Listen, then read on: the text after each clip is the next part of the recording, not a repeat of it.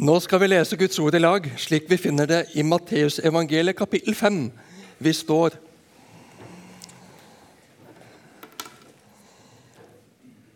Da Jesus så folkemengden, gikk han opp i fjellet. Der satte han seg, og disiplene samlet seg om ham.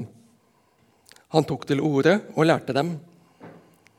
Salige er de fattige i ånden, for himmelriket er deres. Salige er de som sørger, for de skal trøstes. Salige er de ydmyke, for de skal arve jorden. Salige er de som hungrer og tørster etter rettferdigheten, for de skal mettes. Salige er de barmhjertige, for de skal få barmhjertighet. Salige er de rene av hjerte, for de skal se Gud.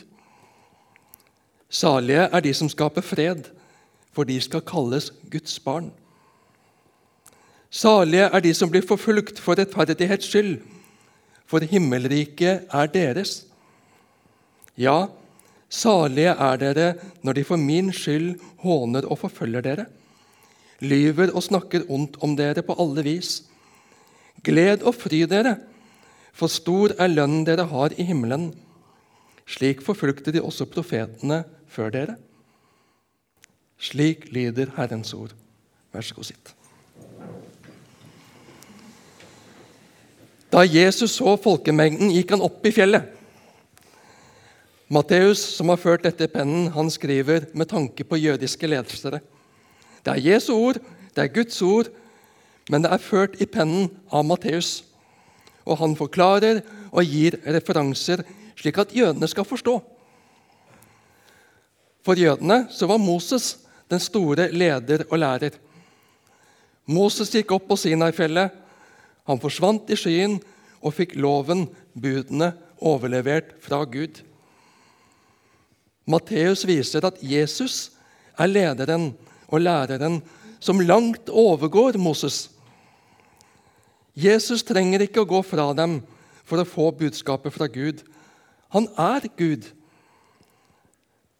Men han setter seg ned og lærer dem. Døperen Johannes har to kapitler tidligere talt Vend om, for himmelriket er kommet nær. Jesus underviser om hvordan Guds rikes borgere skal leve. Rabbiere, lærere på denne tida, de satte seg og underviste, og disiplene sto rundt. Noe har dessverre forandret seg gjennom årene. Men Jesus har noe nytt. Med Jesus så har noe nytt kommet. Guds rike er kommet nær i og med Jesus. Jesus skal snu mange ting på hodet for dem i forhold til de forestillinger mange har hatt. Han skal ikke oppheve loven, men oppfylle loven. Han radikaliserer loven på en måte. Det handler ikke om ytre lovoverholdelse, men hjertets innstilling, holdning, hele livsinnstillingen. Salige er de som er fattige i ånden, for himmelriket er deres. Salig. Jeg vet ikke hva du tenker når du hører ordet 'salig'. At noen er salig. I dag brukes det nærmest som å være i en følelsesmessig rus. Litt fjern, langt borte i sin egen lykkeverden, nærmest. Men vi må prøve å legge de assosiasjonene til side når vi skal prøve å forstå hva Jesus snakker om. Makarios heter det på gresk. Salig. Den som er salig, er en som er tilgodesett av Gud. Og derfor 'happy' sto det i den engelske kommentaren jeg leste. Happy, glad, lykkelig. Men det blir for snevert i forhold til det vi legger i ordene i dag. Velsignet er et annet forsøk på å oversette uttrykket i en annen oversettelse. Å være salig er ikke en indre følelse, men en tilstand av å være under løftet om velsignelse i det kommende. En tilstand av å være under velsignelse ved denne tids ende, i evigheten. Ordet 'salig' brukes av Paulus om Gud selv. Dette er i samsvar med evangeliet om herligheten hos Gud, den salige. 1. Tim 1,11. Og I kapittel 6, vers 15 står det Han, den salige og eneste hersker, kongenes konge og herrenes herre. Gud er den salige med stor S. Gud er den som er i den tilstand av fullkommen glede, lykke. Han som er alle tings herre. Han som har makt og kontroll og skal føre alle ting til sin gjenopprettelse ved denne tids ende. Han som skal ta et oppgjør med alt det onde og rense bort all urett. Han er den salige. Og Her underviser Jesus sine disipler om hvem som skal få den samme trygghet, hvilen, gleden, ja, lykken, som Gud er den fullkomne bærer av. Og Da blir spørsmålet hvem er det? Salige er de som er fattige i ånden, for himmelriket er deres. Fattig i ånden. Hva betyr det å være fattig i ånden? Det høres ikke veldig happy ut. Det høres ikke veldig prestisjefylt ut heller. Når Lukas refererer denne eller den lignende tale av Jesus, så skriver han bare Salige er dere fattige. Guds rike er deres. I noen teologiske kretser har det vært utgangspunkt for et sosialt evangelium. At Gud har et spesielt hjerte for de fattige, til forskjell fra de rike. At arbeid for Guds rike først og fremst skal handle om å løfte fattige ut av fattigdom. Gud har definitivt hjerte for de fattige, men også for de rike. Det er ikke slik at de økonomisk fattige automatisk kommer til himmelen. Frelsen er i Jesus Kristus og i ham alene, om en er rik eller fattig. Men jeg erfarte noe i Tanzania som har satt seg i meg. Der opplevde jeg en åpenhet, gjestfrihet og en holdning hvor vi deler det som vi har nå, selv om hungersnøden kan ramme oss i morgen. Det gjorde dypt inntrykk på meg. En erkjennelse av at vi er avhengige av Guds hjelp og omsorg for å overleve. Den er tydelig på en helt annen måte i Afrika enn i Europa. Jesus sa til sine disipler, 'Sannelig, jeg sier dere, det er vanskelig for en som er rik, å komme inn i himmelriket.' Med rene ord sier Jesus, 'For mennesker er det umulig.' Men for Gud er alt mulig. Rike og fattige står helt likt. Vi er totalt avhengige av Gud, alle sammen. Men for den fattige er det lettere å erkjenne det. Vi rike har så mange krykker som vi sjonglerer og stoler på. Bankkonto, fast lønn, trygd, pensjon, forsikringer, sykeordninger og andre velferdsordninger osv. osv. Vi klarer oss på en eller annen måte.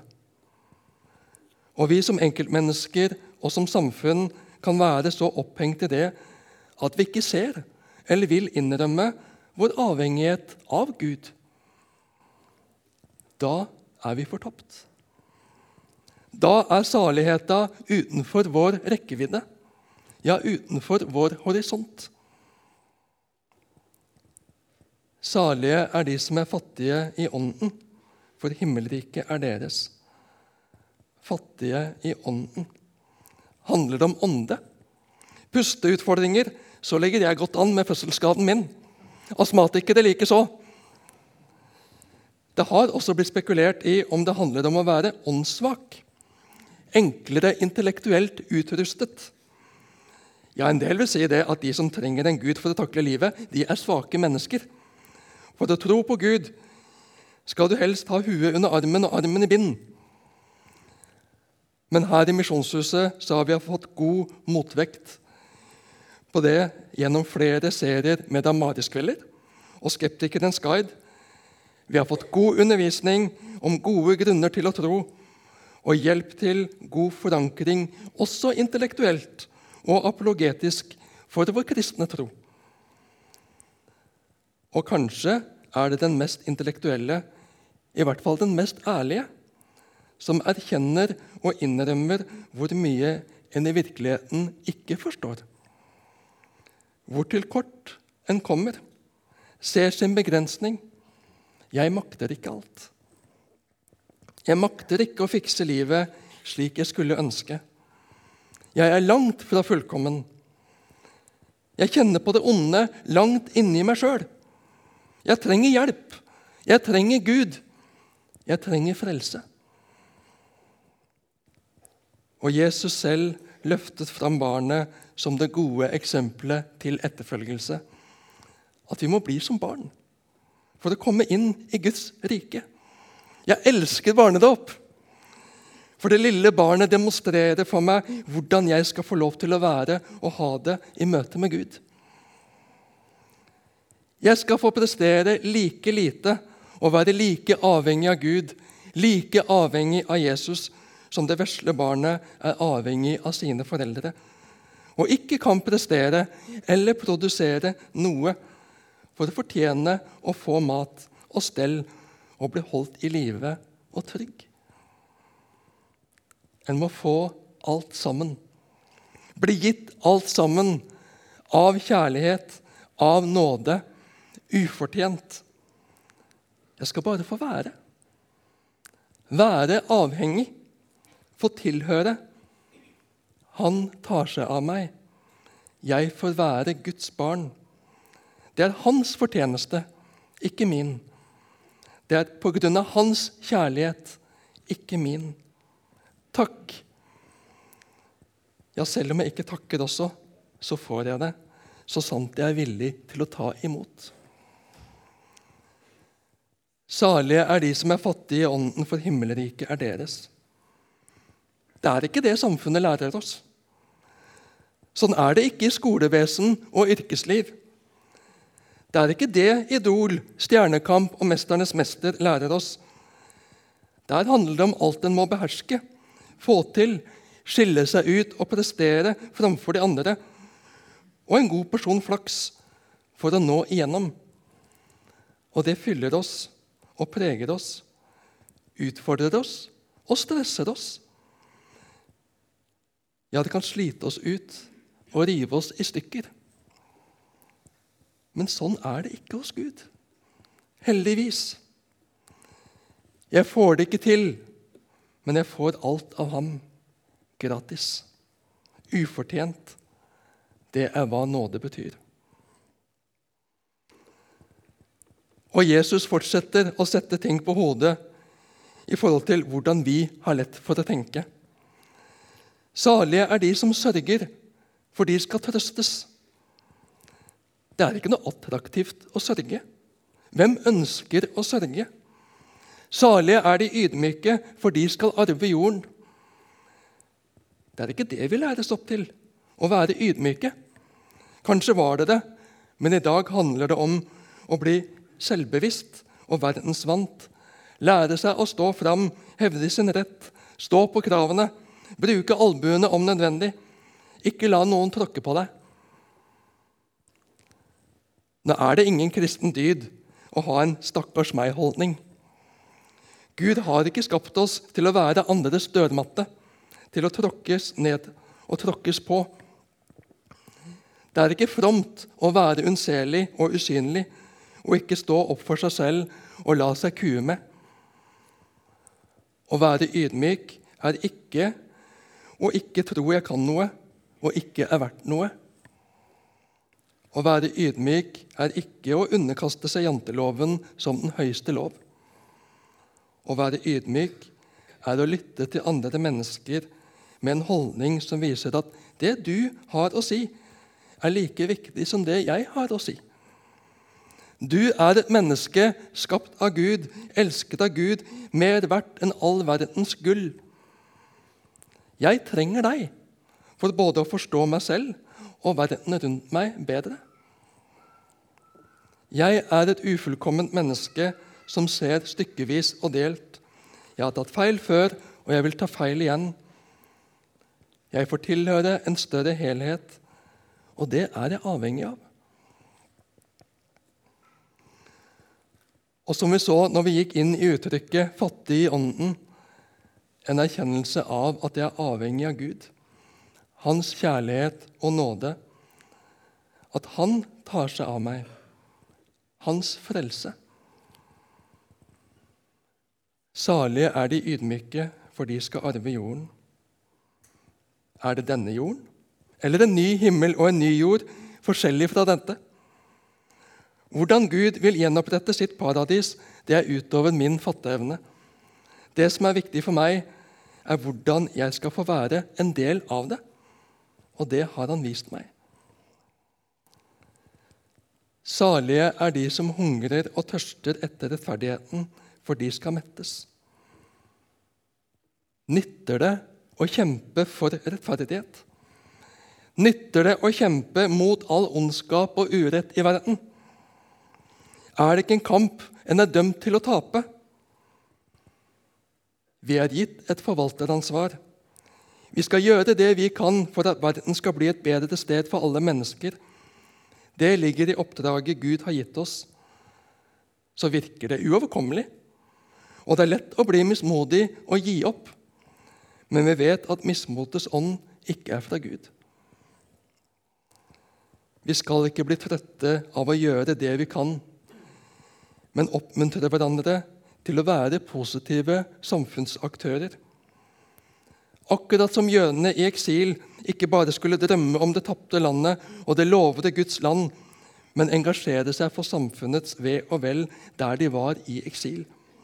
Så skal vi også arbeide for et bedre samfunn for alle mennesker, uavhengig av hvor en er født på kloden, uavhengig av etnisitet, religiøsitet, legning og utdannelse. Samtidig som vi skal få drømme om og lengte hjem til Guds evige rike. Guds paradis, som vi ble skapt til, og som Han en dag skal hente oss hjem til, hvor rettferdighet bor. Vi som har møtt den barmhjertige Gud, skal la Hans ånd og Hans barmhjertighet stråle gjennom oss til de mennesker vi omgås. Salige er de rene av hjerte, for de skal se Gud. Ja, men hjertet mitt er ikke rent. Munnen min velter over av ting som jeg ikke skulle ha sagt. Jeg gjør ikke bare de rette tingene av de rette grunnene. Mine motiver er høyst delte. Og jo større ærlighet og større selvinnsikt, jo lengre blir den lista. Det er mitt problem. Hjertet mitt er ikke rent. Jeg vil si gratulerer. Når du har kommet dit, når du har kommet til den erkjennelsen, da er det håp. Jesus kommer tilbake til det i denne talen og i hele sin virksomhet. Vår renhet og rettferdighet som kommer til kort, som rett og slett ikke duger. Jesus trenger å vise deg det for at du skal erkjenne at du trenger ham. Jesus vil gi deg sin renhet, sitt rene hjerte, i bytte med ditt skitne hjerte. Da Jesus døde på korset, var ikke det for å gjøre opp for egne synder, men for å bære straffen for dine synder. Jesus har tatt all din urenhet på seg. Og i ham, i troen på Jesus, i tillit til Jesus, at han har gjort opp for deg, skal du få tilregnes hans rettferdighet, hans renhet. Og en dag skal du få se Gud. Møte Gud ansikt til ansikt, uten engstelse, uten frykt for det du har i bagasjen. Jesus har tatt seg av det. Du skal få gå ren og rettferdig inn til gleden hos Gud. Salige er de som skaper fred, for de skal kalles Guds barn. Fra tid til annen så blir vi kristne beskyldt for å være noen kranglefanter. Og jeg er redd for at litt for ofte så stemmer det. Kanskje er det slik at fordi vi har erkjent at vi har litt av hvert i vår personlighet og bagasje, så erkjente vi at vi trenger Jesus hans tilgivelse og hans nåde. Men la oss prøve å legge kranglinga til side, og heller prøve å skape forsoning og fred mellom hverandre og i den verden vi er satt. Og aller mest få være med å bringe mennesker til fred med Gud. Det er Guds barns vesen. Salige er de som blir forfulgt for rettferdighets skyld, for himmelriket er deres. Det er ingen dyd å komme på kant med myndighetene. Det er ikke nødvendigvis et tegn på fromhet at en møter motstand. Men Jesus forbereder oss på en tilværelse, og mange trossøsken står midt oppi den i dag, hvor den blir forfulgt for rettferdighets skyld. At den blir hånet og forfulgt løyet og snakket ondt om fordi en følger Jesus. Når det skjer, så skal vi heller ikke miste motet. Jesus har forberedt oss på at det hører de siste tider til, før han kommer igjen. Ja, faktisk ber han oss gled og fry dere, for stor er lønnen dere har i himmelen. Slik forfulgte de også profetene før dere. Når ting er som mørkest, da skal Jesu lys få holde oss oppe. Jesus ble forfulgt, hånet og spottet. De sanne profetene, de som ikke bare talte folk etter munnen, det som de ville høre, men som lyttet til Gud og talte Guds ord, de ble forfulgt. Vi får noen glimt fra våre trossøsken rundt om i verden som ikke har samme frihet og trygghet som vi foreløpig har her. Men når ting snører seg til, når ting er vanskelig på den ene eller andre måten Jesus ber oss å løfte blikket. Husk, vi er på himmelvei. Vi er på vei hjem til Gud, vår Far. Vi følger etter våre trosfedre og trosmødre som har gått foran. Vi er på vei hjem til Gud, til herlighet. Og det gode vi skal, oppleve, skal få oppleve der, gjør det, gjør det vanskelige som rammer oss her, til småtteri i forhold. Jesus bagatelliserer aldri smerte og motgang, men han setter mot i oss. Løft blikket. Se på hva du har i vente. Se, jeg kommer snart for å hente deg hjem til meg. Amen.